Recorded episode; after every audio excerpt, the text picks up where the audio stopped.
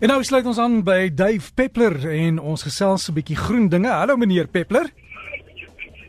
Goeiemiddag meneer Gardner. Ek vra verskoning, ek sit in 'n motor, so as ek vloek, is dit nie vir jou of die luisteraars. ek het heeltemal begrip waar waardeur jy gaan of vir waardeur jy gaan, Dave. Dave, my eerste vraag is um as 'n mens tot sterwe kom as gevolg van Alzheimer, wat veroorsaak dat 'n mens dan doodgaan? Jy kan hoor hoe ek aarzel. Um ek weet nie. Um kyk wat wat Alzheimer is tog 'n breinfunksie so as jy kyk na die primitiewe deel van die brein, vermoed ek dat die die die regulatoriese meganismes soos byvoorbeeld die pituitary klier ensovoorts word in 'n selfde mate aangetast as die kognitiewe brein. Met ander woorde, die regulering van organe, die regulering van uh, bioritme ensovoorts word in dieselfde mate aangepas. Al wat ek vir jou kan sê dat dit 'n dis 'n degeneratiewe toestand van die brein wat nie net op die kognitiewe nie, maar ook op die op die fisiologies werk. Hm. Uh, so dis nou altyd ek se graag wil hoor van van dokters of dit wel so is. Ja, Dave, iemand het 'n SMS gestuur net nou wat gesê dat die die siekte uiteindelik beland in 'n sekere deel van die brein wat dan jou liggaamsfunksies beheer en dan stop dit net eenvoudig goed soos jou asemhaling of so ietsie. Ja, dit dit is nou eintlik wat ek met 'n smal groot woorde julle probeer verwar het nie, maar dit is eintlik waarop dit neerkom. En dan 'n vraag, ek wil graag weet of bloukop koggelmanders voeltjies of hulle eiers eet. Nie wat ek van bewus is nie, hulle is uitsluitlik insekvreters. Hulle is baie lief vir goed soos krieke, ry genade, uh ruismiere ensovoorts. Ehm um, maar um, na my wete het dit nog nooit gebeur. Ek weet ek van die literatuur nie dat hulle wel ehm um, voeltjies of eiers eet nie. Dit kan ek gou hier inkom met dit terugvoer. Ja. Oh, onthou jy toe ons gepraat het oor varke wat hulle kleintjies opeet? Ja? Oh, nee, nee, nee, dit was dit was met Amore. Maar in elk geval daar was 'n vraag dat ehm um, veral eersteling varke wat hulle eerste kleintjies het, hm. uh, die kleintjies opvreet. En ek het gehoor van dokter Joop Boonker, hy's 'n professor Boonker, uh, afgetrede fisioloog en en ook 'n parasitoloog, dat dit is as gevolg as 'n tekort van yster dat ehm um, die die skepping van die fetusse, jy weet die proses daarvan, laat die varke dan bloedarmoedig word en slim boere sal 'n vark so gespuit met yster pas na geboorte of net voor geboorte en dit stop die kleintjie vreetery in hulle spore. Ek is baie dankbaar vir dokter Boonker oor hierdie terugvoer. Ja, Dave, ek het ek het geluister toe jy jy gepraat het op Charlotte daaroor.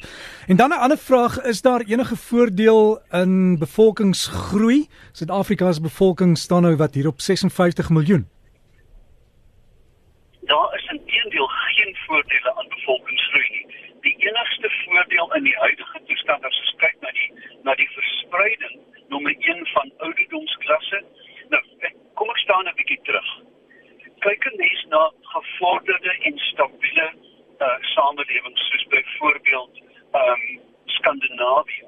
Dan lyk die piramide van groei half of hy op sy punt staan met min jong mense en 'n breë basis van ouer mense. Maar in ontwikkelende lande soos in Afrika staan die piramide soos op die grond staan met baie jonger mense en bitter min ou mense. Dit beteken natuurlik met beperkte ehm um, bronne dat geen bevolkingsgroei in die huidige toestand van die van die aarde goed kan wees nie. Uh dit dit plaas net eenvoudig nog 'n las op die aarde en ons sal een van die dinge wat ons moet doen, ons moet kyk na volhoubaarheid in terme van watersparing en so. Maar ons moet ook krities kyk na hoeveel kinders ons wil hê. En ongelukkig in ontwikkelende lande is dit so dat 'n kind is 'n belegging teen jou ou dag. Dat hulle sal sorg vir jou en en ook sal om omsien na die ander kinders. En, en dit is te verstaan, maar um, ons dit is by ons 'n groot opdrag om mense te leer dat soveel kinders nie goed is vir die aarde nie.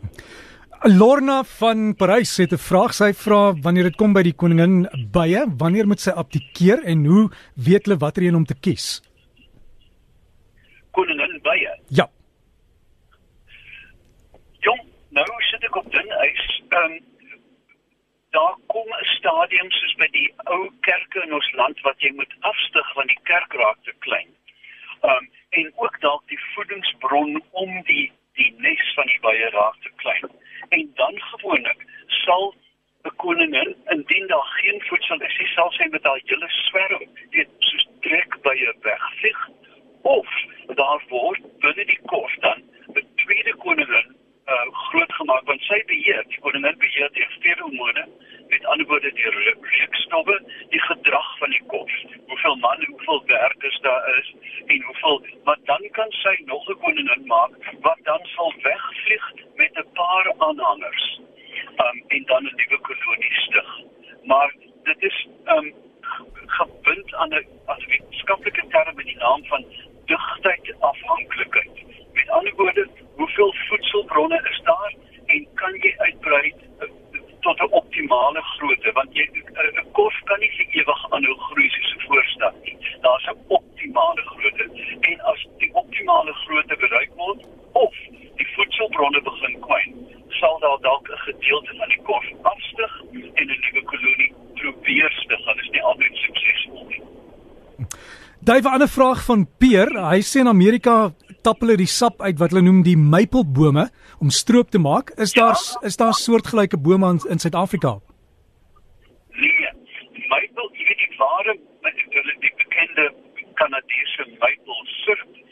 Nou die bome word getap daar word 'n skynsnit in die bas gemaak deur die cambium en die fluium en dan onderloop dit dan met 'n trechter in 'n bottel en dit is besonder ryk aan fruktose en het 'n baie baie unieke neutagtige smaak. Meeste van die goed wat 'n mens koop as maplesirup is eintlik fop.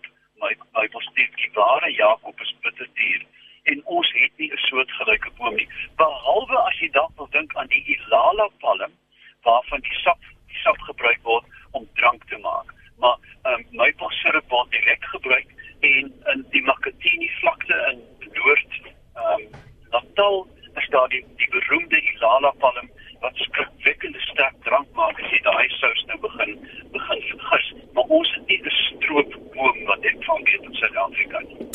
Wel Dave, laat ek jou daar veilig laat op die pad. Jy moet 'n baie lekker dag verder hê en ek hoop jy geniet jou vroue dag. En veilig ry asseblief. Waar kan mense jou kontak, Dave?